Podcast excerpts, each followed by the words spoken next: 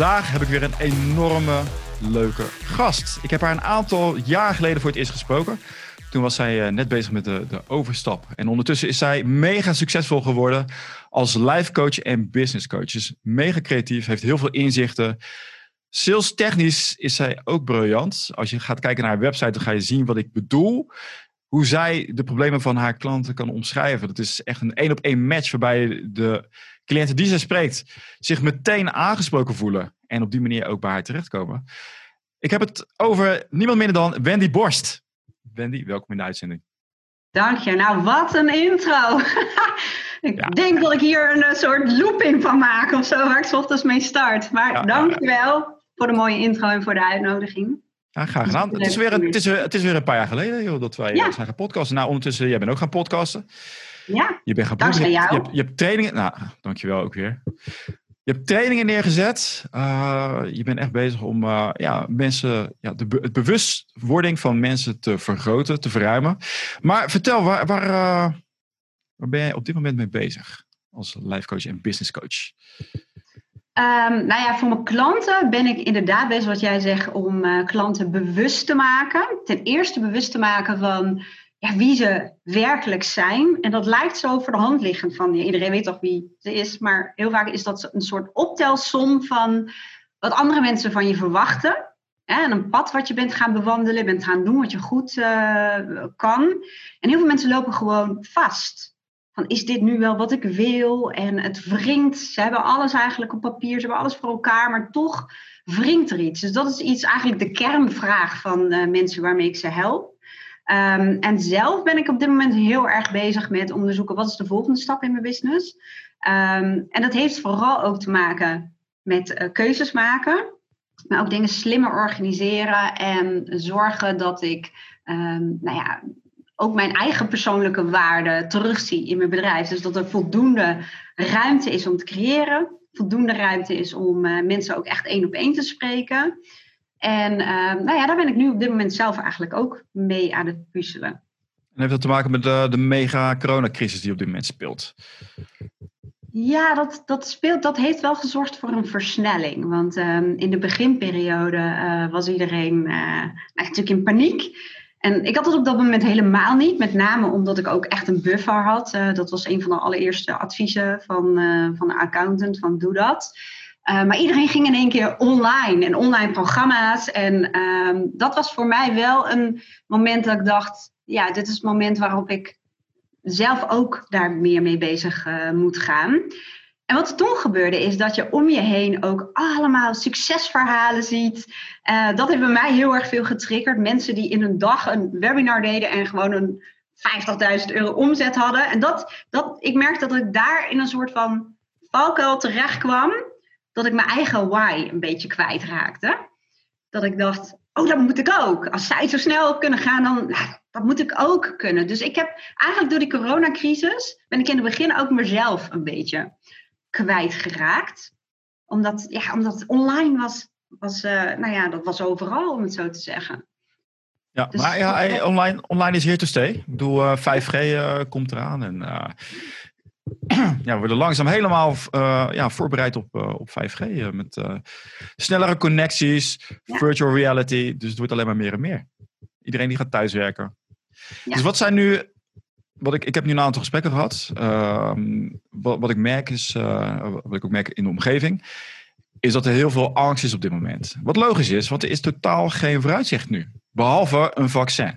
Dus mensen zitten in mega onzekerheid. En het erg is ook, stel nou je zat al niet lekker in je vel. En je had al zoiets van, ik weet niet of dit het werk is. Of zelfs het leven is waar ik uh, mezelf in thuis voel. Ik doe het nu wel, dus ik ben een beetje bezig uh, het leven op de automatische piloot aan het doen. Van oké, okay, nu komt dit, nu komt dat, nu komt dat. Oké, okay, nu ga ik carrière maken. Nu heb ik weer deze meeting. Oké, okay, mevrouw of uh, man, die wil gezellig hier naartoe. Maar eigenlijk voel je jezelf al, eh, ik heb er eigenlijk geen zin in. Maar het hoort. Of ik heb niet eens een ander, ik heb niet eens een alternatief. Crisis, iedereen zit thuis op dat moment worden de ja, problemen alleen maar aangescherpt. Dan zit je van ja, ik had al geen plezier in mijn werk. Ik had al geen plezier in mijn relatie. En nu zit ik er bij thuis, 24-7. Ja. Het wordt alleen maar erger. Dus hoe, uh, hoe ervaar jij dat? Ehm, ja, wat ik om me heen dan zie, of uh, zelf moet ik het al een beetje aangeven. Nou, wat ik inderdaad om me heen zie. Um, in het begin waren heel veel mensen ook wel blij om thuis uh, te zitten. Ja, ze vonden het ook wel relaxed. Vakantie! Ja, vakantie, nadenken, ruimte. Maar, um, maar heel veel mensen missen inderdaad toch wel een stukje prikkeling, een stukje sociaal. Heel veel mensen die uh, houden van een beetje avontuur, die, die dutten in. En angst, hè? heel veel ondernemers. Ik merkte gewoon in het begin ook dat er ontiegelijk veel ondernemers zijn die eigenlijk geen um, buffer hebben en die het heel zwaar hadden. Hè, veel uh, die echt in paniek waren. Um, of, helemaal verstarden. Gewoon echt. En, maar wat je ook ziet, dat er heel veel ondernemers heel creatief werden. Ik zie bijvoorbeeld de horeca-ondernemer die haar hele uh, zaak omgebouwd en die is allerlei woonspullen aan verkopen. Ja, je ziet ook heel veel mooie, gave dingen. Maar ook inderdaad heel veel mensen die in de angst schieten. En wat jij eigenlijk terecht zegt ook, het perspectief. Hè? Is, is er weg. Niemand weet hoe het gaat. En, uh, en dat maakt het voor heel veel mensen toch wel heel erg lastig. Ja, ja dat ook. Maar stel je hebt die slechte relatie. Nou, er zijn heel veel mensen die hebben een slechte relatie. Als je kijkt naar het... Het is heel simpel te berekenen ook. Hè? Als je kijkt naar hoeveel mensen gaan scheiden. Hoeveel is dat momenteel? Een derde of zoiets?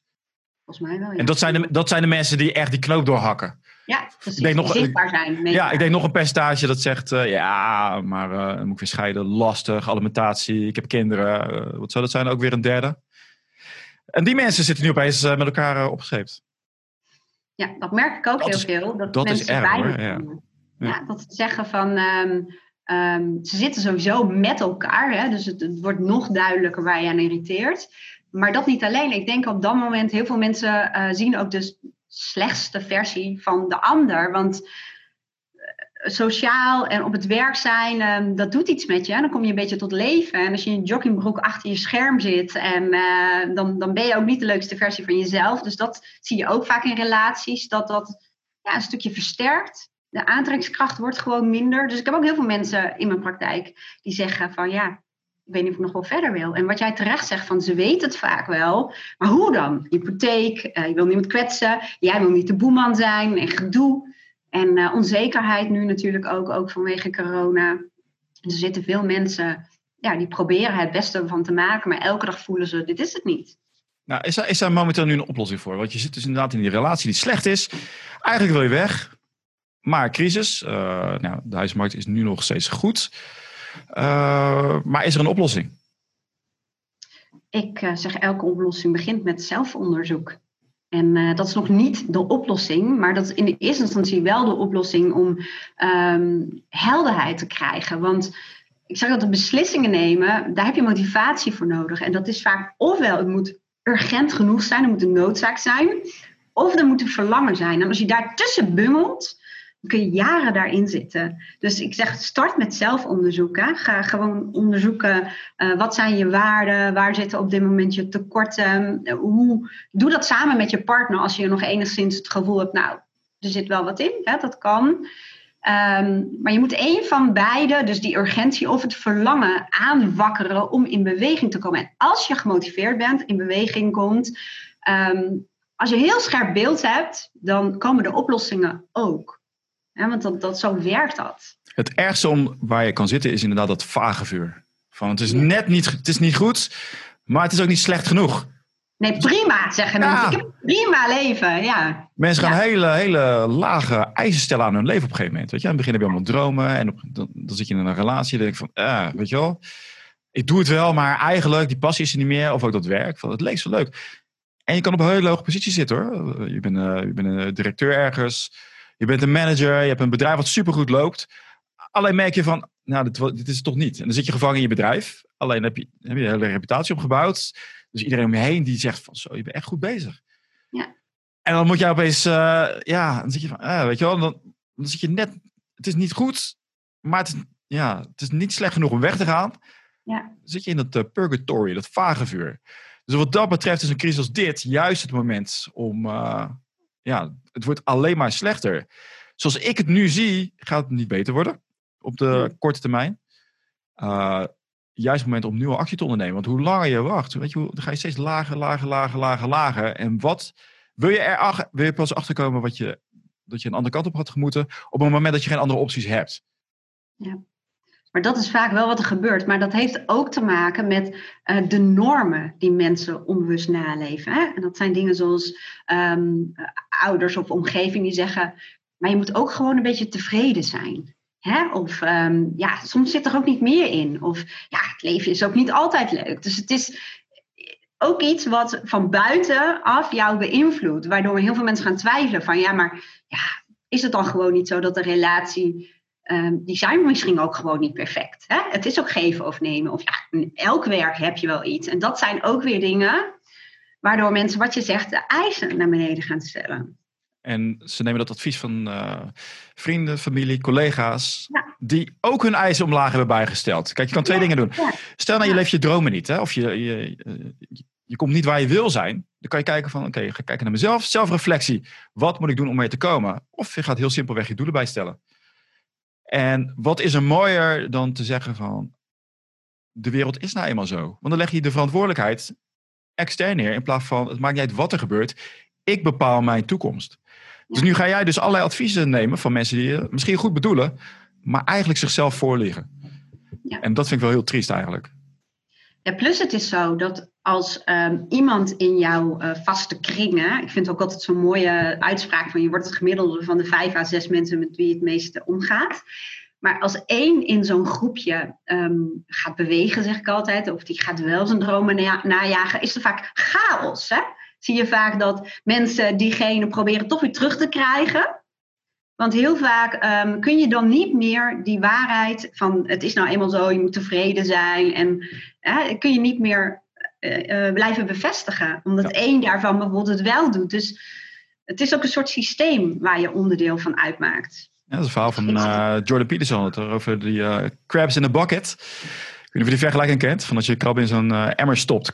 Dan zouden ze in theorie zouden ze eruit kunnen klimmen door op elkaar te klimmen. Dan klimmen ze eruit. Maar wat gebeurt er nou als eentje naar boven gaat? Dan gaat de rest, die trekt die, die krabben, die, die trekt ze naar beneden. Ja. En de drijver is inderdaad van, hey, als die persoon wel slaagt, dat betekent dat mijn wereldbeeld niet klopt. En dan kan het wel eens zijn dat ik niet slaag, omdat het aan mij ligt. Ja. Daar, daar houden mensen absoluut niet van. Nee. Ja, en hoe. Eh, ze zeggen geluk is maakbaar. Um, ik, ik geloof daar ook voor een groot deel wel in. Uh, maar ons brein is primair geprogrammeerd om ons veilig te houden. En een van de dingen die, uh, die daarvoor helpen, zeg maar, is om je in het vertrouwde te houden. En ons brein is niet ontwikkeld om ons gelukkig te maken. Alleen dat is nogal een tegenstrijdigheid, want het is ook gemaakt om te groeien. En die twee botsen, maar het veilig willen zijn is vaak bij de meeste mensen sterker. Wat jij ook zegt, angst en weerstand um, kan ons, als je op de automatische piloot leeft, heel erg in het oude vertrouwde houden en daar een verhaal over vertellen dat dat ook best wel oké is. Heel veel mensen zeggen, het is best wel oké. Of ik hoor ook wel mensen die zeggen, ik heb niet zo heel veel weerstand of zo om naar mijn werk te gaan. Hij is verder wel aardig, dat ik echt denk, oh, hoor je wat je zegt? ja. Ja. ja. Wegpassie, ja, dan gaan ze zichzelf uh, ja, verantwoorden. Maar ik denk als je, als je bij die fase bent, dan, uh, als je dat al zo zegt, dan ben je al aardig bewust van dat je weet dat je daar niet op je plek zit. Maar wat gebeurt er nou? Het onbewuste, die, gaat een, die maakt eigenlijk de keuze. Die zorgt ervoor, ik blijf, weet je, onbewust zegt, blijf in het veilige gebeuren. En je bewuste, die gaat er dan bij verzinnen van, oh, dat is echt een geweldige baan. Om dat goed te praten. Eigenlijk. Dus de persoon die al zegt, ja, het is wel, uh, het is wel oké, die is al best wel, die is wel goed op weg om bewust te worden van, wacht, ik moet weg. Ja. Dat is wel een goed teken. De meeste mensen zitten in de fase van, nee, ik heb echt goed werk.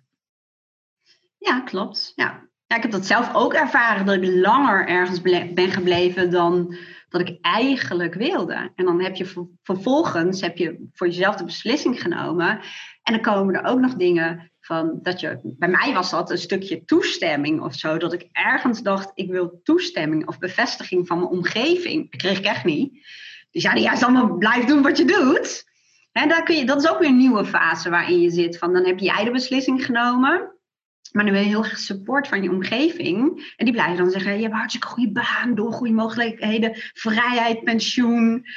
Ja, en dat is ook weer een nieuwe fase waar je doorheen gaat. Want natuurlijk, hoe cliché het ook is, die toestemming moet je natuurlijk uit jezelf halen. Um, nou, ik ben het uh, gedeeltelijk met jou eens. Ik zal even vertellen waarom. Ja. Uh, omdat het heel erg verstandig is om te toetsen of je idee klopt met de buitenwereld. Want we zijn we toe geneigd? Confirmation bias. Dat je dus gaat kijken naar, je hebt een bepaald idee, dit moet ik doen. En dan ga je in je omgeving ga je alles zien wat dat uh, bekrachtigt. Ja. Dus het kan zijn dat je, dat je allerlei eh, zaken over het hoofd ziet. En daar heb je een omgeving voor nodig om te toetsen van zien jullie dat ook zo? Want die kan kijken zonder die emotie. Alleen het werkt alleen als je een omgeving hebt die ook op die manier kijkt. Die objectief gaat kijken naar jou van wacht even, weet je dat? Maar wat gebeurt er je als je in een omgeving zit die alleen maar aan het, hun eigen angst aan het projecteren is en die niet bewust zijn, die gaan jou verkeerd advies geven. Ja. Dus met het concept toets het, naar de, toets het bij de buitenwereld. Niks mis mee. Alleen moet een goede omgeving hebben. De buitenwereld. Je moet een goede, goede omgeving hebben. En het kan, kan ook de andere kant op zijn. Hè? Want je hebt ook nu uh, van die groeperingen, althans, die uh, zitten in de, in de positiviteitszone. ja, je kan alles wat je wil. Net zo gevaarlijk. Ja. Want die gaan zeggen, ja, dat moet je doen. En stel nou, je, bent, je bent succesvol. Maar stel nou, jij was... Uh, dat je allemaal delusional ideeën had over hoe je een bedrijf moest runnen. En ze hadden gezegd, je moet gewoon je droom achterna volgen. En de law of attraction dan creëer je het. En dan was je helemaal gehyped. Ja, want dit gebeurt ook. Hè? Van, ja, dat doe ik. En dan start je een bedrijf. En de meesten gaan failliet. Dat komt ook daardoor. Dus je moet heel goed die afweging kunnen maken. En dat is heel lastig als je niet weet vanuit welk oogpunt mensen besluit maken. Dus wat doe ik als ik het advies vraag? Vraag ik niet alleen, wat vind jij ervan? Maar ik kijk ook naar, hoe kijken ze naar de wereld? En daaruit weet je dus waarom zij bepaalde gedachten hebben. Die helpt mij heel erg. Dus uh, ja. Wil ik even, wil ik even kwijt. ja, maar dat, nou, ik, ik sluit me daar helemaal bij, bij aan. Want inderdaad, um, advies vragen en je ideeën toetsen is heel belangrijk. Zeker omdat je zelf blinde vlekken hebt. Uh, hè, bepaalde mogelijkheden niet ziet of bepaalde risico's niet ziet. Maar kijk wel aan wie vraag je het. Hè? En, en um, het is heel fijn om het te vragen aan mensen die bijvoorbeeld hetzelfde doen of al verder zijn, liever nog verder zijn. Uh, die al eerder de beltje hebben gehakt. Maar mensen die bijvoorbeeld in loondienst zitten al 40 jaar hè, dat, dat, en dan vragen stellen over je onderneming, zou ik dan uh, persoonlijk niet zo doen. Nee, dus het is inderdaad ook zaak van aan wie leg je het voor. Ja, maar dat is trouwens ook een voordeel van, uh, van een, een externe partij die er geen belang bij heeft. Ja. Kijk, jij bent weet je, life coach. Ja. Je kan dan zeggen van je kijkt daar objectiever naar. En dan kan je ook nog denken van ja, maar misschien heb jij daar ook een Weet je heb jij daar ook een, uh, een soort van uh, nog een agenda naast? Weet je wel? Dat, maar als je heel sceptisch bent. Maar puur de life coach taak is juist om een spiegel voor te houden. Wat super handig is. Uh, ik weet niet of je die term kent uit de psychologie, gaslighting. Als heel jouw omgeving iets anders roept over de werkelijkheid, dan ga je echt twijfelen aan jezelf van, zie ik het nou goed? Ja of nee? En daardoor krijg je die oren. Omdat je, je voelt dat het niet klopt, alleen de realiteit is anders. Ja. Dus om dat inzicht te krijgen, dat doet al heel veel. Dus dat is die, die, clarity waar je het over hebt. Van uh, inderdaad die duidelijkheid. En vanuit daar kan je verder. Ja. Ja, en ik, ik vind de combinatie van bijvoorbeeld een, een coach, ja, de, de, de hoofdtaak van een coach, is om goede vragen te stellen en iemand helderheid te verschaffen en een spiegel voor te houden. En een mentorrol, hè, dat, dat, die kun je trouwens als coach ook inzetten als jij bijvoorbeeld meer ervaring hebt in, op bepaalde vakgebieden. Maar uh, kan je ook heel erg putten uit ervaring hè? of een stukje kennis toevoegen die de ander nog niet heeft. Dus ik vind dat altijd wel een mooie combi om een coach te hebben. En, en soms is die ook een mentor of een mentor waaraan je een beetje kunt optrekken en kunt afkijken en, ja, uh, die het al heeft gedaan. Wat zie je nu? Van, of je bent live coach, je bent of coach of je bent mentor. Weet je wel, want de coach die stelt vragen, de mentor die guide je meer. Dan denk je, ja, waarom moet het apart zijn? Ja. Want ik denk juist, een, een goede mentor is niet alleen maar met, uh, oh je moet het zo doen. Die stelt juist vragen waardoor je zelf tot die conclusie komt. Ja. Ja. Toch? Dat is, dat is hoe, jij mensen, hoe, je, hoe je mensen in beweging krijgt. Ja. En ik vind het mooi bij jou, vind ik het ook, hè, van, uh, je, bent ook business coach. Uh, maar het life coaching, het hangt zoveel samen met elkaar. Want heel veel mensen, het, ook al weet je precies wat je moet doen, en het tot uitvoering brengen. Dat heeft vaak te maken met allerlei onbewuste factoren. Ja. Dat is het leeuwendeel wat erin zit. Dus het, het, het is niet los van elkaar. Jij, uh, jij coacht ook directieleden bijvoorbeeld. Um, Merk jij verschillende problemen qua het niveau waar mensen op zitten? Ja, absoluut. Ja, wat ik veel bij directieleden zie, ja, of ondernemers van een grote uh, organisatie, Ehm, de mensen die bij mij komen, dat ze een heel duidelijke visie vaak hebben. En die is best heel groot, maar ook vaak heel anders nog dan waar ze op dat moment zitten. En waar zij uh, vaak mee zitten, ehm, en ik zag ook heel vaak, dat maakt natuurlijk ook een beetje het onderscheid tussen dat jij de leider bent en dat heel veel mensen jou volgen, is dat zij die visie hebben, maar soms nog niet goed kunnen uh, benoemen. Um, maar dat wel willen. Ze willen hun mensen meekrijgen. Maar die zitten heel ergens anders. Die hebben heel andere belangen. Hij wil vooruit en verandering. En die mensen zitten, ja, maar dat betekent wat voor mij. En, en, en hoe je dat overbrengt en mensen meeneemt. Dat, dat zie ik heel veel bij directeuren. Dat ze zich echt, ja, lonely at the top noemen ze het vaak. Maar dat ze dat ook ervaren. En soms ook, hè, dat hele intelligente mensen met grote businessen, maar ook wel een stukje onzekerheid. Ook van, ook zij zeggen van, um, ze hebben niet echt een referentie. Zijn hun ideeën valide? En um, hoe kan het dat, um, dat hun medewerkers bijvoorbeeld ja, maar in de weerstand komen? Hè? Betekent dat dan dat het idee niet goed is? Of wat doe ik dan verkeerd? Ook daar speelt onzekerheid gewoon, ook gewoon een rol. Um, maar ook hoe draag je dat, die visie die jij in je hoofd hebt, hoe draag je dat dan over? Dat is eigenlijk wat ik heel veel daar zie. Ja, en ik denk echt dat in de directie, je hebt een hele andere drijfveer. Je, je bent ambitieus, je wil voorwaarts. Ja. Maar veruit de meeste mensen, die hebben een hele andere drijfveer. Die, ja. willen, die willen veilig zijn. Dus vooruitgang kan betekenen van, komt mijn positie in gevaar? Yes, ja. Ja. Hoe is mijn status in vergelijking met uh, collega's? Ja. Is daar gevaar in? Dus die, die kijken op een hele andere manier. En dat is vaak wat er misgaat. Want die directeur die denkt van, ja, maar we kunnen toch die kant op. Die is er enthousiast over. Want die, ja. die, die, heeft dat helemaal niet van, oh, maar ik moet veilig blijven. Weet je, maar het personeel compleet, compleet wel. En dat kan je ook zien, want anders waren het zelf al, uh, ja, anders zelf al leidinggevende geweest ergens. Ja, dat zeg ik ook vaak. Anders ja. waren zij al lang uh, zelf gaan. Maar het tempert vaak ook hun enthousiasme. Zegt, dan zijn ze zo enthousiast en willen een idee lanceren en dan in de weerstand. En dat is natuurlijk ook lastig. Ja, nou ja, ze moeten meer uh, bij jou uh, komen om, uh, van hoe werken mensen. En weet dat als je dat zo de wereld in gooit. In je bedrijf is het, de, ja, de kans op weerstand is eigenlijk 100%. Ja, dat hoort bij verandering. Ja. Ja, dat hoort bij verandering bij bepaalde types. Ja, dat sowieso. Ja, ja. Dat, is echt, dat is niet een universele waarheid. Van, oh, mensen houden niet van verandering. Dus ja, nee, heel veel mensen houden niet van verandering. Maar een aantal, dat zijn de mensen die vooruit gaan. Ja. Die vinden het juist geweldig. Ik hou van verandering. Ja. Ik ah, leuk, iets nieuws. Ja, stap je. Maar het is maar 2% of zoiets. Heel weinig. Dus inderdaad, je moet weten, inderdaad als directie, van hoe werkt dat? En hoe kan je dat... Uh, kijk, ik verdien heel erg in die psychologie erachter wat ik leuk vind, is hoe jij langzaam die zaakjes kan planten. Uh, weet je dat je die veiligheid kan creëren bij, uh, bij personeel. En dat dan langzaam erin gooien in plaats van zo'n mooie speech, uh, zoals je wel in Amerika ziet, weet je wel, van die motiverende speeches. Dat werkt dan vaak niet. Dus je moet hele andere technieken gebruiken. Hoe, hoe zorg jij ervoor dat jij, hoe, hoe help jij dat soort directieleden? Om dat nou, wat doe, jij daar, wat doe jij daar eigenlijk voor? Geef jij ze skills erin om dat wel voor elkaar te krijgen? Wat kan ik me daarbij voorstellen? Meerdere dingen. Ten eerste uh, help ik ze om die visie letterlijk en figuurlijk op papier te zetten. Hè, om, um, uh, ja, nou ja, om er een verhaal van te maken. Om het zelf ook. Want ze zeggen dat vinden ze ook lastig. Van het zit in mijn hoofd.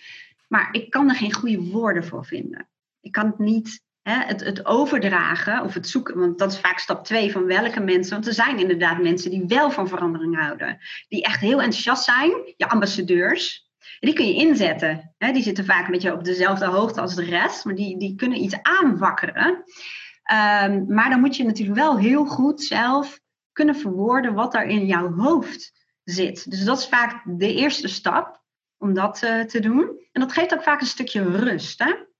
Want het staat er, je kunt het uitleggen, je kunt het zo maken dat mensen ook snappen wat je bedoelt. Dat ze ook dezelfde beelden hebben als jij. En dat hoeft niet exact hetzelfde beeld te zijn, maar Um, woorden kunnen op allerlei manieren worden uitgelegd. Dus uh, zorg dat je een verhaal waar mensen een, nou ja, voor een groot deel dezelfde beelden bij hebben. En dan stap twee, het gaat ook, als we het hebben over skills, vaardigheden, gaat het heel erg over communicatie. Over um, hoe bereik je mensen, hoe ga je echt in gesprek. Want dat doen we zelden. In communicatie zijn we vaak argumenten aan het stapelen. Hè? Meningen, ping, pong, pong, pong. En je raakt elkaar kwijt. Er is geen connectie. En als je mensen voor je wil laten werken, zul je met ze in gesprek moeten raken. En dat is gewoon super easy eigenlijk. Dat zijn gewoon skills die je kunt leren. Dat is gewoon logica. Dus dat is iets waar ik ook heel erg veel mee werk.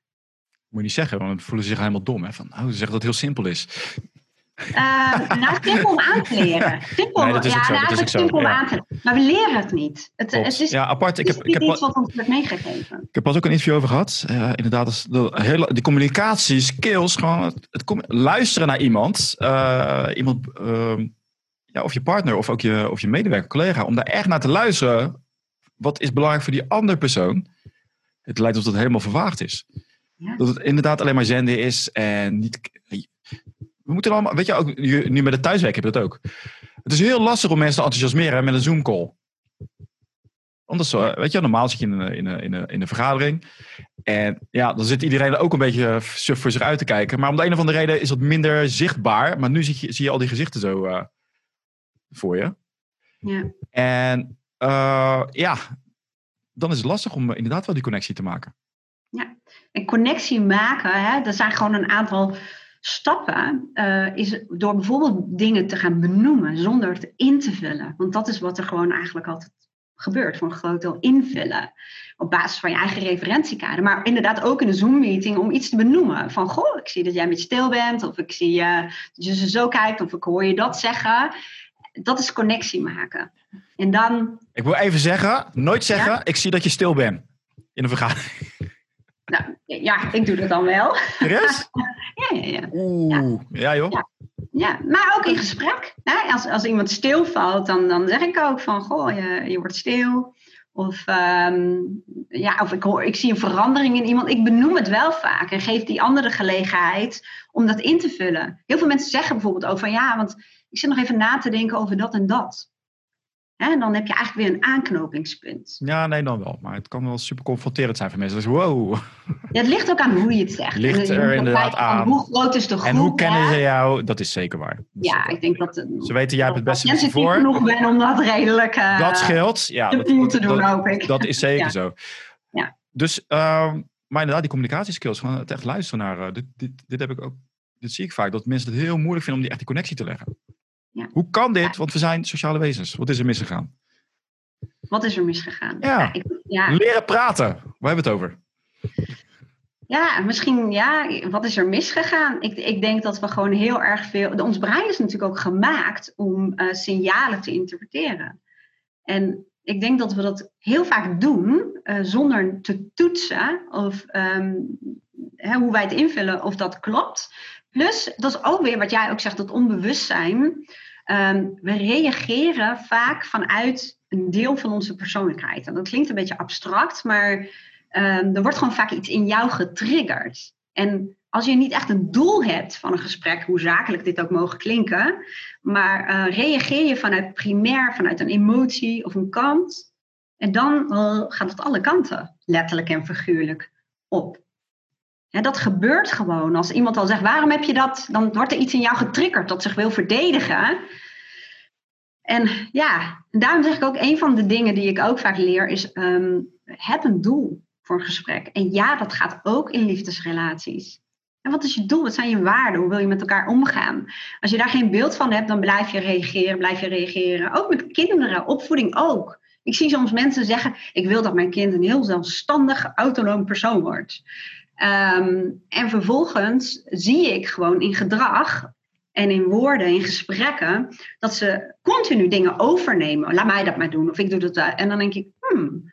En dat heeft simpelweg te maken met vaak dat ze niet een goed beeld hebben van wat bedoel ik daar dan mee? En welk gedrag hoort daar dan bij? En als je dat weet, dan ga je ook wat, be- wat bewuster, hè? wat bewuster in gesprekken zitten. Ja, En wat jij echt zegt, dat klopt helemaal. Van dat we op de automatische piloot. Maar die automatische piloot is vaak een soort programma wat we niet heel bewust zelf hebben gecreëerd. Maar dat is gewoon opgebouwd. ja, uit opvoeding. eh, Ja. De wereld, hoe dat in elkaar zit. TV, Ja. muziek, alles. Ja, ja. Je hebt allemaal programma's in je. Van eh, als dit, dan dat. Ja. Dus ik hoor ook, eh, Google is nu bezig om een... dit is geen conspiracy theory, dus YouTube, laat me met rust. Die zijn bezig om dat allemaal in kaart te brengen. Wat mensen allemaal intikken in, eh, in Google. Want dat is natuurlijk de grootste search engine. En op basis daarvan zijn ze aan het kijken of zij ook kunnen voorspellen wat er gaat gebeuren.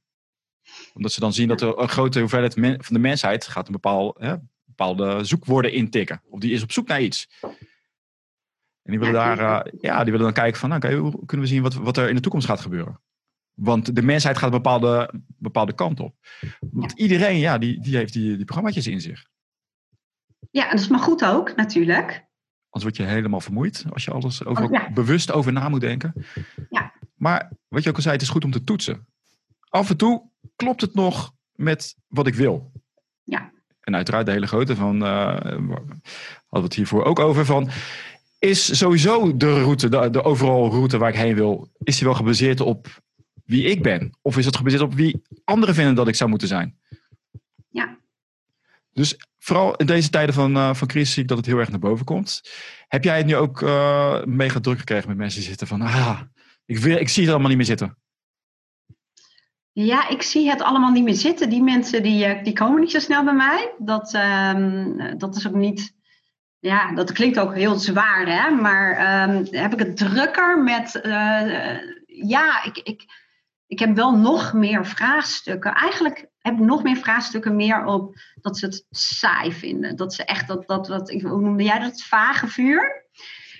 Uh, dat ze die passie missen en, en het gevoel hebben dat het allemaal ja, uitzichtloos is. En, uh, het vuurtje, ze zijn een soort waakvlammetje geworden. En dus dat zie ik wel nog meer ja dan ooit. En vooral mensen met, uh, met waarden als vrijheid, avontuur. Ja. ja, ik heb dat zelf ook, maar hoe geef je daar invulling aan in, in een wereld waarin uh, heel veel dingen dicht zitten, of niet meer kunnen, of niet meer samen met mensen? Ik hoorde gisteren ook een mooie, nou, een mooie maar die zei, uh, was een training die ik volgde. De meeste mensen zijn gewoon aan het wachten op de dood. Ja. ja. Wat heel triest is. Ja. Ja. dat krijg je dus hè, als je andermans waarde volgt, geen goede omgeving hebt die, uh, die jou eraan herinnert van je kan veel meer. En dan is het inderdaad goed om, ja, ik vind, het wel knap, ik vind het wel knap dat mensen dan die stap maken. Wat voor soort personen maakt nou die stap om te veranderen? Want de meeste, veruit de meeste, die gaan gewoon zo door. En die maken zichzelf wijs van ja, zo is nou eenmaal. Ja, wat voor soort personen? Dat is, oeh, dat is wel een grote vraag. Want Bam! Ja. Heb je even de tijd om erover na te denken? Ik neem even een, een slokje van mijn koffie. Ja, mag jij eventjes over nadenken? Wat soort mensen? Dat vind ik, vind ik een lastige vraag om te beantwoorden. Want um, ja, ik zie, ik zie ook heel veel slimme, intelligente mensen met een hoog bewustzijn die um, zoveel sabotagesystemen in zichzelf hebben dat ze niet doen wat ze werkelijk willen. En wat jij zegt, langzaam op de dood wachten. Of uh, wat ik bij mijn vorige, toen ik in loondienst zat, veel zag. Dat mensen dag in dag uit klaagden, maar gewoon vervolgens hun 40-jarig jubileum gingen vieren daar. Dus, en er waren heel vaak ook helemaal geen domme mensen. Dus um, ja, ik, ik, ik denk, om die vraag te beantwoorden, en dan denk ik dat ik hem nog lang niet goed heb beantwoord. Het soort mens wat, uh, waarbij het verlangen zo groot is dat je er niet meer omheen kan. Ja, of die urgentie dan maar. Pijn of het verlangen? Ik zelf uh, stuur meer op verlangen dan pijn.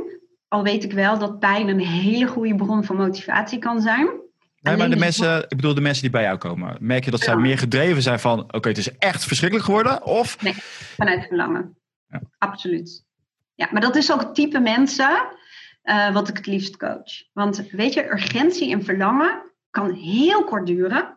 En kan helemaal zorgen voor, voor vluchtbewegingen. Ik zie mensen dan vluchten vanuit de bestaande situatie in een nieuwe soortgelijke situatie. Dat wordt niet beter. En ik zie bijvoorbeeld ook in relatiecoaching. Ik kreeg uh, toen ik dat nog uh, veelvuldig deed, kreeg ik heel veel aanmeldingen. Midden in de nacht zag ik een tijdstip. Bijna allemaal mannen.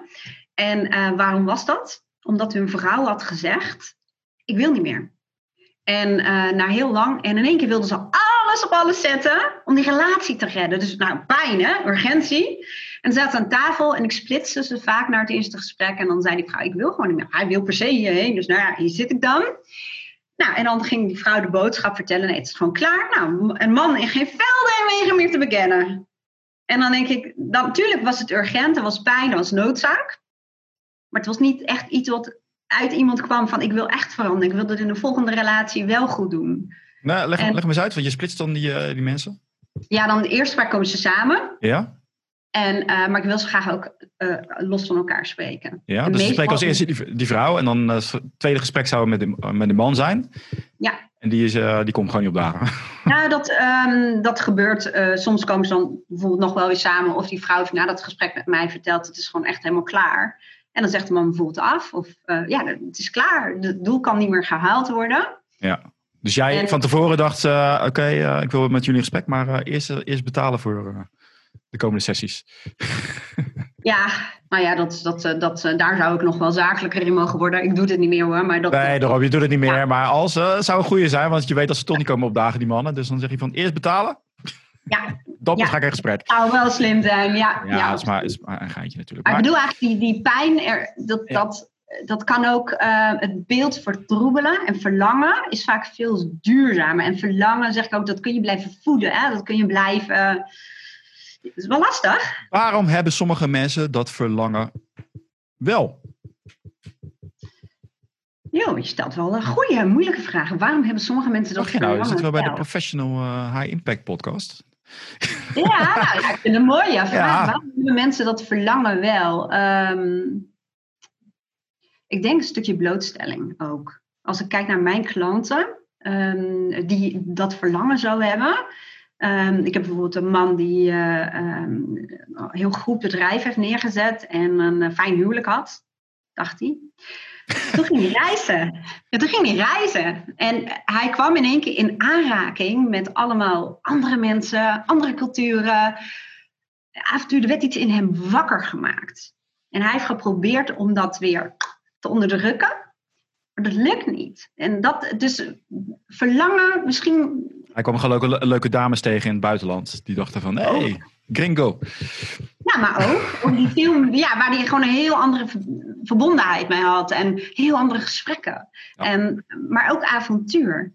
En dat, ik denk dus dat verlangen um, aangewakkerd wordt of je zoekt het op, hè, omdat het latent aanwezig is. Dus waarom hebben mensen meer verlangen dan een ander? Ik denk omdat ze het wakker hebben gemaakt of het is wakker gemaakt. En bij sommige mensen lijkt dat op de een of andere manier um, niet te. Ik ken ook mensen in mijn omgeving die, die gewoon echt super tevreden zijn met elke dag boodschappen doen en daar echt hun hele zinnen uithalen. En dat ik echt, dat, nou, kan ik gewoon echt niet snappen. Maar ja. ja je moet gewoon uh, elke dag boodschappen doen. Dat is heel gezellig. Nee, dat vind ik verschrikkelijk. nee, dat vind ik echt een knel. Ja, dat is toch heerlijk? Iedere dag van, wat ga ik vandaag nou weer eten? Hmm. Ja, nou dat ook. Dat vind ik ook, uh, nee, nee. Hoe kunnen we meer mensen bewegen om die zelfreflecterendheid te krijgen? Ja, nou wat je zegt, hoe kun je meer mensen laten zelfreflecteren? Ik heb gedacht, heel lang dat ik daar invloed op zou hebben. Hè? En ik zag mensen dat ik dacht, waarom heb je dat dan niet meer? En toen zei iemand mij, um, iemand verandert ook alleen maar als hij er zelf last van heeft of een verlangen heeft. Dat is weer hetzelfde als die bronnen van motivatie. En um, ik heb zelf gemerkt, dan zeg jaren geleden, dat ik echt mensen in mijn omgeving nog uh, onbewust aan het coachen was. Dat zou ik ook nooit meer doen. Maar een grote les. Ja. Maar in elk geval dat sommige mensen ook in paniek raken als je ze bewust maakt van dingen. Of als je ze vragen stelt waar ze zelf over na moeten denken. Waar ze zelf een mening over moeten vormen. Sommige mensen raken echt in shock, in paniek. Of die gaan letterlijk en figuurlijk bijna van zich afslaan. Dus um, ja, ik denk gewoon dat er mensen zijn die um, die dat gewoon niet willen. Die dat prima vinden om een ander te volgen. Die zich veel veiliger en comfortabeler voelen bij het volgen van mensen die meer dan. Ja, daar hebben ze ook allerlei profielen voor. Maar um, ja, sommige mensen denken ook gewoon dat ze niet in staat zijn om zelf goed te denken of beslissingen te nemen. Of de verantwoordelijkheid is te groot. Of ja, ja. dat ja, type ben, ben, mensen, ja. Ik ben met jij, zie je vaak in uh, onderneming ook van. Uh, we willen medewerkers met. Uh, willen dat lokaal, dat, nee, het lokaal ondernemerschap willen we aanwakkeren. Ja. Met de gedachte hè, dat, je, dat, je, dat je mensen moet motiveren om hun eigen pad te bewandelen, om zo te groeien. Maar ik denk, ja, dat is allemaal leuk, maar inderdaad, heel veel mensen hebben gewoon een leider nodig die zegt deze kant op. Ja. ja. En that's it. En daar zijn ze heel blij mee. Ja. Dus je moet misschien ook wel uh, chaos worden als iedereen uh, leiderschap. Uh... Ja, maar dat wordt dan neergezet. Maar dat past dan helemaal niet bij de persoon. En die denkt van, ah, moet ik wel, moet ik allerlei dingen zelf gaan doen enzovoort. Ik denk dat gebrek, gebrek is een leiderschap. Dat ze dan denken van, uh, ah ja, weet je wat, we moeten mensen meer de tools geven om zelf hun eigen pad te laten bewandelen. Ja. Als, als oplossing voor bijvoorbeeld, oh, ze willen geen verandering doorstaan. Terwijl het puur gebrek aan leiderschap is. Ja. Want het is ook helemaal, ja, het is helemaal niet erg. Nee, maar ook weten dus hoe je mensen moet motiveren, hoe je ze in beweging kan krijgen. Ja. En dan maar zoiets uh, de wereld in gooien. En je ziet het ook in de taal hè, van mensen. Van, ik hoor ook mensen om me heen zeggen van het mag niet van de overheid. Of de overheid en dan een beetje het slachtoffertaal. Dat hoor ik ook heel veel. En dat vind ik ook lastig. Hè? Als je zo zou denken, denk ik, ja, dat, dat klinkt alsof je zelf geen regie hebt. En dat heb je natuurlijk wel. Ja, vertel welke context is dat? Want ik snap dat de horeca uh, zegt, uh, het mag niet open, het mag niet van de overheid. Ja, nou ja, inderdaad, het mag niet van de overheid. We mogen niks meer. Uh, al die regels die ons worden opgelegd en dan moeten we mondkapjes dragen en we moeten dit, we mogen niet dat. Ik snap wel dat mensen zo denken, maar het, het is heel erg regieloos bijna. Van, dan ben je dus echt in afwachting totdat de overheid zegt dat je je mondkapje af mag doen. En weer, en dan denk ik, en in de tussentijd ga je dan wachten totdat. Hè, er wordt gezegd dat het, dat, dat zie ik ook veel. Dat lijkt mij persoonlijk best wel heel lastig. Ja, mensen komen in angst. Die worden ook in angst gebracht. Stel je volgt alleen maar het nieuws. Het is alleen maar uh, zoveel doden daar, miljoenen doden daar. Verschrikkelijk. Uh, erg, er komt een megacrisis. Miljoenen mensen gaan dood. Dus uh, ja, die komen in die angst. Nou, je weet het, het parasympathisch systeem wordt ingeschakeld. Cortisol door je lichaam. Stress. Niet meer verder kunnen kijken. Uh, dan ga je als paniekreactie ga je vastklampen aan een, iets externs, de overheid. En dan hoop je dat de overheid gaat zeggen, en dadelijk komt het goed. Ja. De waarheid is, je moet, ja, weet je wel, vaak in de overheid zijn ook maar mensen die wat doen. Hè? Ja. Alleen het is makkelijker dan om jezelf. Uh, wat ik vaak merk is dat mensen de schuld liever geven. Stel, het gaat slecht. Dat ze liever zeggen: het gaat slecht door de overheid dan dat ze zelf de regie pakken. Want het is makkelijker om te zeggen, ja, het gaat echt slecht met mij. Maar dat komt door iets externs. Dan om te zeggen van, het gaat slecht met mij en het komt door mij. Ja. Dus zelf de regie pakken. Dus het wordt ook wel, ja, de overheid wordt als uh, scapegoat gebruikt om, uh, ja. Ik weet niet of je de term aangeleerde hulpeloosheid kent. Ja. Maar dat is ook wel wat je ziet bij mensen. Hè? Dat ze um, uh, bijvoorbeeld ook niet hebben leren denken. En, dat, en sommige mensen die, die in een gezin, die, die gaan juist heel erg daartegen rebelleren en die willen wel zelf denken. Maar sommigen schikken zich in die rol. Um, en er wordt gewoon voor hun gedacht. En, en ja, dat, dat zie je in een volwassen leven dan ook. Het is, het is terecht, hè? Ik, ik, uh, ja, mijn kinderen zijn nu uh, 7 en 9. En je ziet ook, en ook terugkijken naar mijn jeugd, het zelfstandig leren nadenken wordt er helemaal uitgesloopt. Ja. Dus dat learned helplessness is daadwerkelijk dat learned helplessness. Het is aangeleerd om afhankelijk te zijn van iets externs. In plaats van om zelf na te denken. Dus ik uh, ben ook wel mee bezig met mijn kids om ze zelfstandig te leren nadenken. Ja. Gaat heel onbewust. Ken, ken dat verhaal van die, uh, die olifant? Dat verhaal? Dat een, uh, die, die, ene, die ene olifant ken je niet. Roze? Of uh, die, die, roze, die, roze, die roze olifant. Nee, dat was een, uh, dat is een vader en een zoon in, in, een, in, een, in een dierentuin. En dan zie je een hele grote olifant en die zit aan zo'n touwtje vast. Aan een heel simpel touw. En dan zegt de zoontje van, maar hij kan toch zo losgetrokken worden? En dan legt die vader dus uit van, nee, weet je, als een olifant jong is, dan wordt hij ook aan een ketting gelegd. Alleen die olifant is zo klein dat hij niet los kan trekken. Dat hij zich niet los kan trekken. Maar die heeft dus, ook al wordt hij ouder en sterker, nog steeds de gedachte dat hij vastzit. En het gevolg is, hij gaat niet eens meer proberen. En dat is wat er aan de hand is. Mensen hebben dan het geloof niet meer in zichzelf dat ze het kunnen. Ze hebben ook de tools niet gehad om zelf na te denken. Het is altijd rigide geweest. Ja. En dan kan je van alles denken van, wat zit daar weer achter? Want het kan voor een overheid heel handig zijn om een volk te hebben wat niet nadenkt zelf en volgzaam is voor de mensen die het echt willen weten, ga eens kijken naar de etymologie van uh, government. Waar dat vandaan komt en wat het betekent. En dan zeg je van, ah, wacht eens even. Ja. Het heeft te maken ja, met. ook. Hè? Dat, dat, ja. dat, wat ik nog zie, gewoon heel duidelijk, is dat het heel veel zenden is. Dit moet je uit je hoofd leren. Dit is zoals het is. Ja. En dat er eh, hopelijk wel steeds meer, maar weinig wordt uitgedaagd om zelf te denken, om onafhankelijk te denken, om je eigen theorieën of theorieën te mixen of ja. Autonoom te denken. En, ehm, en dat is misschien ook wel om terug te komen op die ene grote moeilijke vraag die je stelde. Van, ehm, ik kan me voorstellen dat dat ook met verlangen te maken heeft. Dat als je niet geleerd hebt om zelf te denken, en dat is ook niet echt heel erg ontstaan door wat dan ook, ehm, dat je daar ook moeilijker bij komt bij je eigen verlangen. Dat je misschien het onderscheid niet eens meer kunt maken. Klopt. En uh, taal is ook heel belangrijk. Dat je de woorden leert om vooruit te komen. Uh, dat je alleen maar bezig bent met een, het vaste pad volgen. En met school ziet al, oké, we gaan dat doen. Oké, nu ga je deze opleiding doen. En daarna hoort deze opleiding. Het is veel, veel meer naar kijken naar wat er, wat, er, wat er al is. En daar een keuze uit maken. In plaats van zelf kijken bij jezelf van waar, waar zit het er nou in. Dus je, je, je voedt een heel volk op om volgzaam te zijn. En daarna, ja, het is logisch dat, het, dat mensen dan in een crisis komen. Je volgt echt een, een, een bepaald pad. En ik denk dat er een aantal mensen zijn die daaruit kan komen. Maar dat doen ze ondanks wat er is aangeleerd. Dus ik, ik neem de mensen ook helemaal niet kwalijk. Ik zat er zelf ook in. De hele tijd zoekend van, nou, je hebt het zelf ook meegemaakt. Van oké, dit lijkt een goede keuze, maar helaas weer niet. En ik zat ook heel tijd, waarom denk weet je, ik heb dat idee van mensen denken anders dan ik. Hoe, hoe zit dat? Weet je, die zijn er wel tevreden over, die hebben er helemaal geen issues over. Dus mijn pad is meer dat je gaandeweg erachter komt dat mensen compleet anders nadenken. En hoe kan je bij jezelf dan vaststellen wat jouw innerlijke kompas dan is? Hoe doe je dat dan? Uh, door niet uit. Dus ik zal een voorbeeld geven. Als, wat ik heel erg niet heb, is me zorgen maken over wat anderen over mij denken. Ik heb dat te weinig merk ik. Soms denk ik van, ik moet het wel iets meer hebben. Weet je wel, dan ga ik meer, uh, iets meer mijn best doen. Soms denk ik dat. Wat ik merk is dat de meeste mensen dat mega van belang vinden.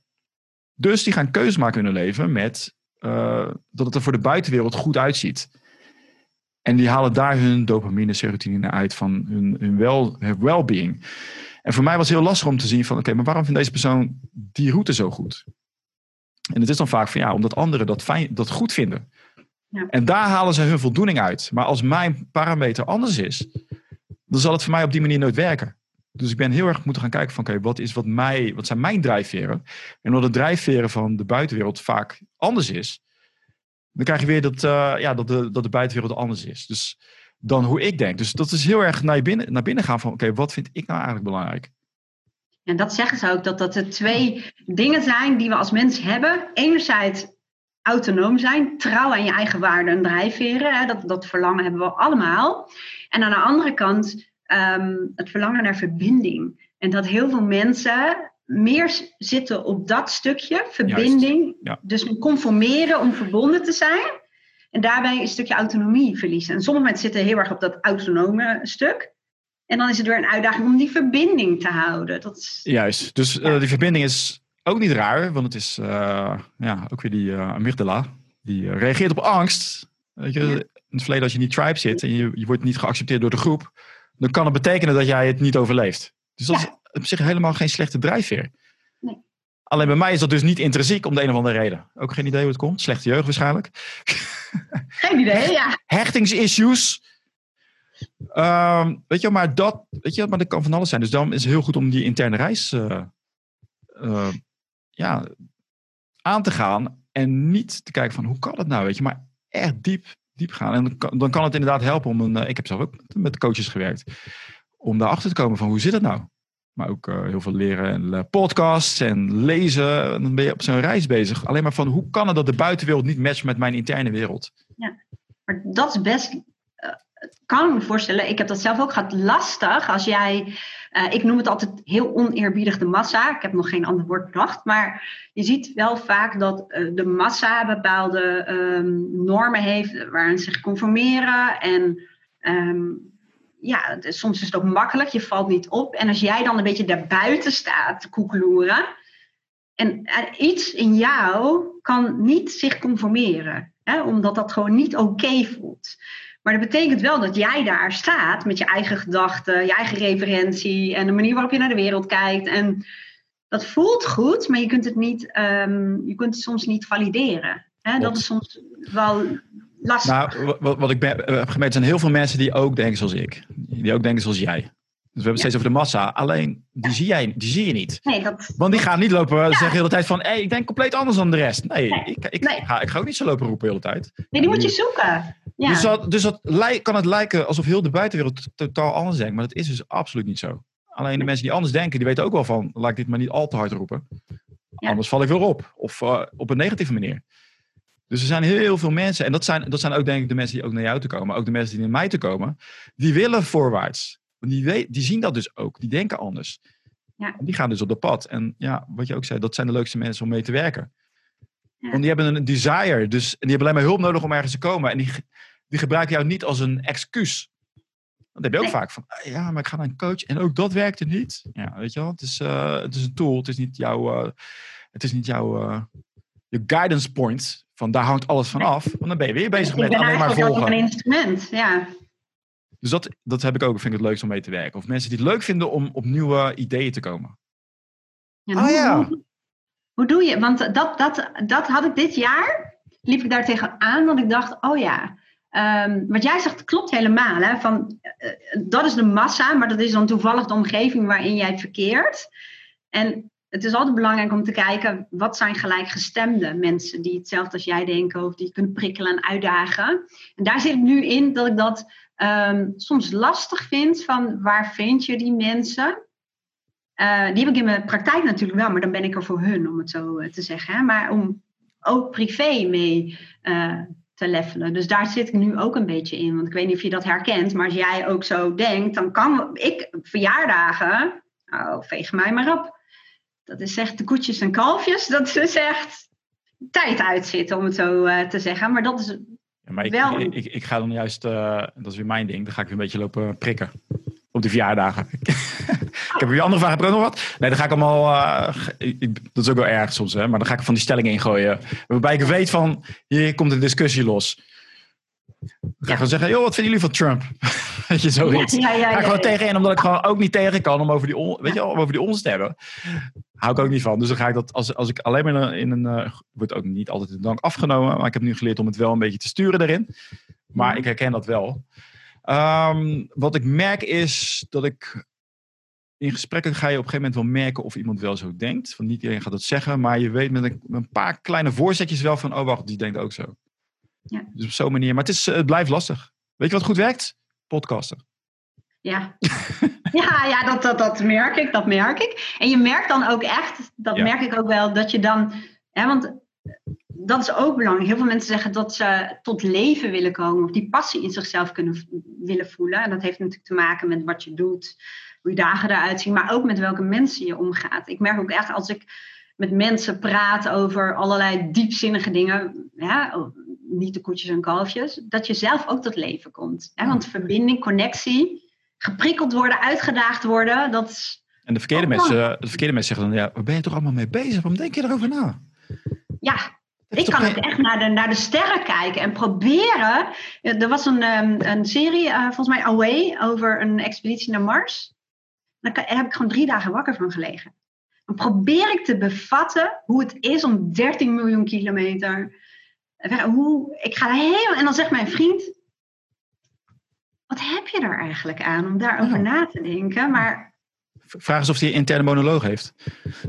ja, dat heeft hij. Hij heeft dat weer met andere dingen. En dit stukje zegt hij, we zullen het niet weten. Niet in jouw leven zul jij erachter komen hoe dat hele heelal in elkaar zit en op het eindigt waar het eindigt. En nou, ik ga helemaal zo, ik kan het me helemaal zelf verliezen, want je kunt het ook niet bevatten. Maar het is wel, het zijn gewoon gave vraagstukken. Nee, maar ik hoor het ook. Of, ja, dat kunnen we toch niet weten? En dan denk ik van, ja, hoezo niet? Ja, kan toch ik kan toch- ik kan toch erover nadenken, ja. Ja. Maar het weet je, het is, me- sommige mensen vinden het gewoon niet leuk om over dingen na te denken zelfs. En ik vind het juist wel leuk om die puzzelstukjes. Als ik, als ik eh, eh, bijvoorbeeld een, eh, een idee heb, maar het matcht nog niet helemaal. En het komt dan tot het missende puzzelstukje, waardoor alles klopt. Daar, dat vind ik echt gaaf. Dan denk ik, ah, cool, nu vat ik het. Maar dat is iets wat, eh, ja, niet iedereen heeft dat. Weet je, dus dan kan je juist conceptueel, conceptueel nadenken over, eh, over dat soort zaken. Trouwens, eh, wat jij moet doen is gewoon als jij die, jouw klanten hebt uitgecoacht, dan zet je gewoon in jouw groepje, toch? Het zijn geen klanten meer. Ja. Nou, dat gebeurt nu ook wel. Ja, Ja. Ja, dat, dat ontstaat ook. Ja. En dat, dat is inderdaad wel heel gaaf. En en het is ook leuk, daar ben ik dus, want ik vertelde ja, dat ik bezig ben met kijken ja, over mijn aanbod. En ik vind de groepsenergie, dat klinkt wel heel abstract en vaag, maar als je mensen bij elkaar hebt die, um, nou ja, die, die echt nadenken en uh, serieuze vragen stellen, is ook nogal een label wat ik eraan hang, maar dat doet ook iets met, um, nou ja, met, met de mensen op zichzelf en met energie, om het zo te zeggen. Dus daar ben ik ook eens aan het kijken van, om dat te faciliteren. En dat is ook zoeken. Ik ben bijvoorbeeld niet iemand die, ik heb ook masterminds of zo, doe ik wel. Maar ik ben absoluut niet het type dat mensen achter de broek aan wil zitten. Dat is, nou, is no way. Dat is ook niet wat ik leuk vind. Of om continu contact te houden in WhatsApps en zo. Daar word ik echt wel. Dus dat is ook zoeken naar wat is een goede manier om dat te faciliteren. want ik heb, wat jij zegt, van ik, ik ben ook primair heel autonoom. Dus ik moet ook echt, echt wel. Ik vind verbinding ook heel belangrijk. Maar ik, ik heb heel veel tijd voor mezelf nodig. En kan daar ook heel ver in gaan. Ik heb dit, dit jaar bijvoorbeeld een familievakantie afgezegd. Omdat we in één huis zaten. Omdat ik dacht van, ja, als je mij... Jij zo, nee, vind ik echt te gevaarlijk hoor, met covid. Nee. Ja, nee, nee. Ik, zei, ik word gewoon een heks. Na drie dagen, dan... dan, ah, dan ik moet gewoon ook tijd alleen hebben. En als ik die heb, en dan wil ik me verbinden. En dat is nog altijd even, even zoeken van hoe ik, ik word, word me nu, ik ben 45, maar ook echt wel heel erg bewust van mijn eigen sterfelijkheid. En natuurlijk was je dat altijd al. En ehm, nog steeds meer. En dat heeft enerzijds ook wel dat ik denk, oh ja, vroeger lag het open voor je gevoel. Wat natuurlijk ook niet zo was, hè? maar voor je gevoel. Alles was mogelijk. Alles was mogelijk. Ja, en nu is er, zou je kunnen zeggen, natuurlijk, ja, het aantal jaren is minder als het goed is. Maar ik word me daar wel bewust van. Wat je ook zegt van ehm, mijn tijd ehm, is, ja, is uh, daar wil ik zuinig op zijn. Dat wil ik ook niet zomaar weggeven. Ik ga me, geen, uh, ik ga me niet meer uh, ja, met, met onzin dingen bezighouden. Nee. Van mensen die, die zelf een probleem hebben en dan jou doen alsof het bij jou ligt. Die zich niet bewust zijn. Ja, dus uh, het is inderdaad, weet je, omring jezelf met mensen. Oh ja, dat wil ik nog zeggen van uh, wat, het, wat het mooie is. Als je dus met mensen om je heen hebt die ook openstaan, dan is het alsof die ideeën veel meer gaan stromen. Ik weet niet of je dat ook ervaart. Van, ja. want je kan in je eigen hoofd zitten en je hebt allerlei ideeën. Maar als je iemand naast je hebt die bijvoorbeeld, ik heb een idee en die zegt, oh ja, en had je hier aan gedacht? En dan denk je van, triggert weer bij mij iets. En dan gaat het als een vliegwiel. Dus je, ga je, je, komt veel meer, je komt dan echt veel verder. En dat is gaaf als het eenmaal op gang komt. En dan lijkt opeens alles mogelijk. En ja, je moet kritisch zijn, maar het is ook leuk om niet altijd alles te hoeven uitleggen. En juist komen in zo'n flow van, ah cool, kijk wat er allemaal mogelijk is. En later kan je altijd nog kijken van, wacht even, klopt dit wel, klopt dit wel, of niet. Maar dan kom je dus ook bij nieuwe ideeën. Eh, dus de kracht van een grotere groep, ja, is dat je elkaar aanzwengelt. Ja. En, en meer, uh, ja, dus ik ben het daar wel mee Samen kom je veel verder. Alleen omdat heel veel mensen zeggen van, ja, hm, waarom denk je daar nou over na? Als je in zo'n groep zit, dan kom je tegen de muur aan en dan kom je dus niet verder. Ja, ja. Dus, nou ja, het, het, gebeurde net eigenlijk al, hè? dat jij eigenlijk vanuit een heel ander perspectief ergens naar kijkt en dat het, dat er bij mij iets aangaat. Dan denk ik, ja, ja, dat is ook zo. Hè? Ik heb een beeld over hoe je een mastermind zou moeten faciliteren. Hè? Dat is het beeld wat ik heb opgedaan, gekopieerd uit wat de norm is. En nu zeg jij eigenlijk, ja, dat, dat, is, dat kan. Maar je kunt eigenlijk ook je eigen norm bepalen. Want dit is hoe het voor mij werkt. Hè? Eh, en, en daar horen dit soort mensen bij. Ja. Dus voor die mensen die denken van, ik, moet ik weet dat ik moet veranderen. Hoe komen ze bij jou uit? Hoe komen ze bij mij uit? Nou, ze kunnen contact met me opnemen. Nou moet ik zeggen dat het allergrootste gedeelte van de mensen die bij mij komt, die maakt gewoon een afspraak in mijn agenda. Uh, eh, 9 van de 10 mensen. En die doet gewoon een eerste sessie. En dan, uh, ik doe ook niet aan trajecten. Klinkt een beetje raar, uh, tegenstrijdig. Maar ik ga meestal aan de slag in een eerste gesprek. En dan gaan we gewoon eens kijken wat het beste voor iemand werkt. En uh, hoe we het best kunnen samenwerken. Hoe, hoe, moet ik dat zien? Want dan ben ik, van, ja, luister, ik zit echt niet goed in mijn leven, niet goed in mijn werk. Ik bel jou op. Wat, wat, ga, wat ga je doen?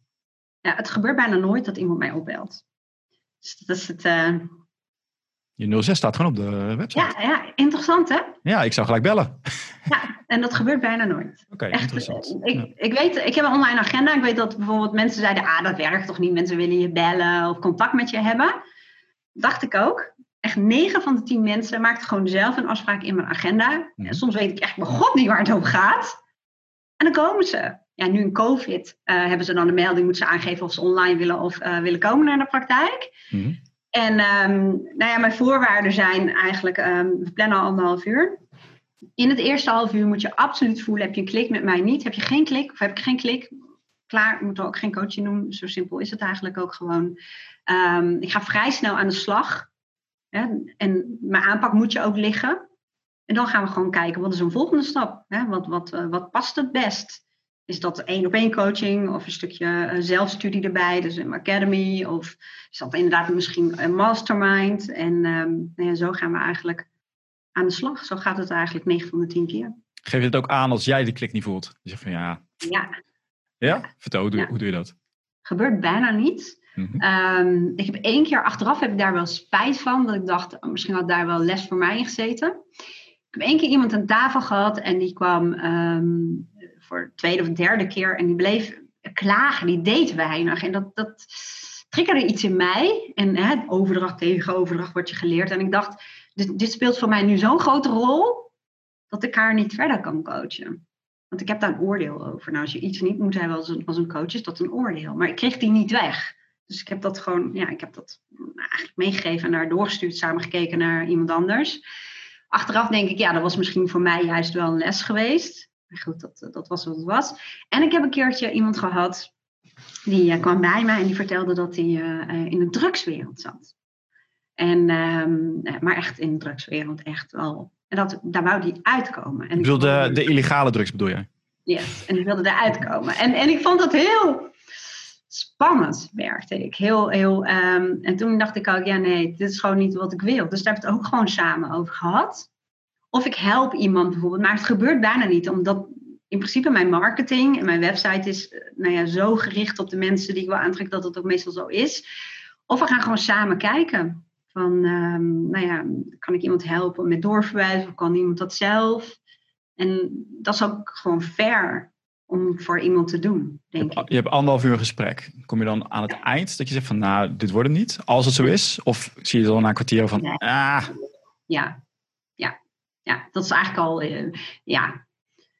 Maar ja, het gebeurt dus bijna niet. En dat heeft gewoon te maken met hoe verder je je marketing fine-tuned op, op je ideale klant. Het is vaak, mensen vinden wij echt of helemaal niks, hè, die zijn er ook. Of zij voelen een klik met me. Want ze komen echt uit België gewoon rijden. En weet ik veel, Friesland en allemaal ver. En dat heeft simpelweg gewoon te maken, niet omdat ik beter ben. Of ik doe hetzelfde als heel veel coaches. Maar gewoon omdat ze een klik voelen. Wendy, is er nog iets wat ik heb overgeslagen waar je het ook over wil hebben? Um, nou, maar dat is om vijf uur nog te praten. En we zouden nog uren door kunnen praten, maar... Doen we, uh, dat doen we een vervolgpodcast. Oké, okay, mensen ja. kunnen... Zo, het is al... Uh, we zijn inderdaad lang bezig. Ja. Langste podcast ever. Je hebt zelf ook een podcast oh, trouwens. Ja. Je hebt trouwens ook een podcast. Vertel, even promoten. Hoe heet jouw podcast? Ik, mijn podcast. Ja, ja. Die, uh, die staat op uh, alle podcastkanalen, Spotify, iTunes. Je zoekt gewoon op mijn naam, Wendy Borst. En er is er momenteel maar één van, dus dan vind je mij. Uh, op YouTube staat mijn podcast ook. Um, en alle links staan op mijn website. En Kijk, dat is ook mijn missie. Ik wil gewoon in de top uh, 25 komen van iTunes in elk geval. Dus, ja, mensen kunnen je overal volgen. Um, nou ja, dan, dan zijn we tot het eind gekomen. Ik vond het erg leuk. Dus, ik vond het hartstikke leuk. Ja.